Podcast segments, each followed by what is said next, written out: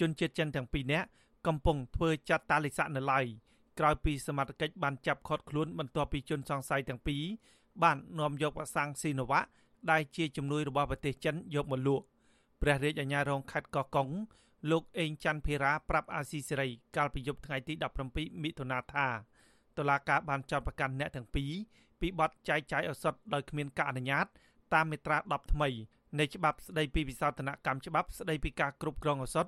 ហើយជនសង្ស័យមិនមានទោសក្នុងការជាប់ពន្ធនាគារទេ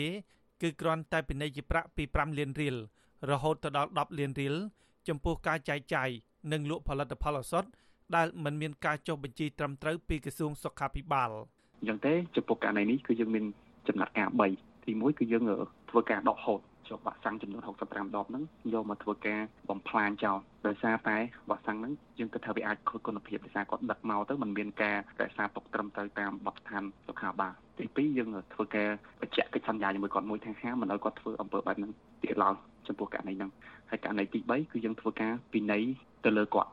ទៅតាមច្បាប់អសពដែលបានចែងកងរាជអាវុធហត្ថខេត្តកោះកុងកាលពីថ្ងៃទី16មិថុនាបានឃាត់ខ្លួនជនជាតិចិនទាំងពីរនាក់ ក្រោយពីពលរដ្ឋបានរាយការណ៍ថាជនសង្ស័យ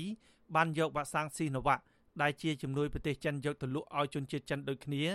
នៅស្រុកមណ្ឌលសីមាខេត្តកោះកុងអ្នកនាំពាក្យកងរាជអាវុធហត្ថលើផ្ទៃប្រទេសលោកអេងហ៊ីមិនបានបញ្ជាក់មូលហេតុនៃការចាប់ខ្លួនទេដោយសាររឿងនេះសមត្ថកិច្ចបានប្រគល់ទៅឲ្យតំណាងអัยការហើយទោះជាយ៉ាងណាព្រះរាជអាជ្ញារងអេងច័ន្ទភិរា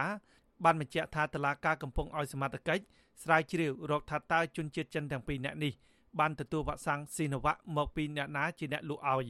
លោកថាវ៉ាក់សាំងនេះគឺជាវ៉ាក់សាំងពិតប្រាកដដែលប្រទេសចិនបានផ្ដល់ជំនួយមកឲ្យប្រទេសកម្ពុជាហើយហេតុអ្វីបានជាជនជាតិចិនទាំងពីរនាក់នេះអាចយកមកក្រៅដើម្បីលក់ដូរបានតែកតិនទៅនឹងបញ្ហានេះអ្នកសម្របសម្រួលអង្គការលីកាដូប្រចាំខេត្តកោះកុងលោកហ៊ូអ៊ីនមានប្រសាសន៍ថាសមត្ថកិច្ចគួរតែចាប់ជនសង្ស័យទាំងពីរនាក់ទៅផ្ដន្ទាទោសតាមច្បាប់មិនត្រូវផាកពិន័យតាមរដ្ឋបាលនោះទេ លោកបន្តថាប្រសិនបើមានករណីលួចយកវ៉ាក់សាំងមកលក់មែននោះវាអាចនឹងមានផលប៉ះពាល់ដល់សុខភាពរបស់ប្រជាពលរដ្ឋបើមិនមានវិធានការតឹងតែងទៅលើអ្នកប្រព្រឹត្តនោះទេហើយបើសិនជាប្រជាពលរដ្ឋមួយចំនួនដែលគាត់មិនទទួលបានព័ត៌មានច្បាស់លាស់អំពីការចាក់វ៉ាក់សាំងក៏ដូចជាគុណភាពវ៉ាក់សាំងនឹងវាពិតជាធ្វើឲ្យប៉ះពាល់ទៅដល់សុខភាពនិងសុខភាពរបស់គាត់ណាមួយទៀតតើវ៉ាក់សាំងនឹងនាំចូលនឹងត្រូវបានរក្សាសុខភាព រក្សាគុណភាពបានដែរឬក៏អត់ហើយជនជាតិចិនដែលចាក់ហ្នឹងតើពួកគាត់មានជំនាញដែរឬក៏អត់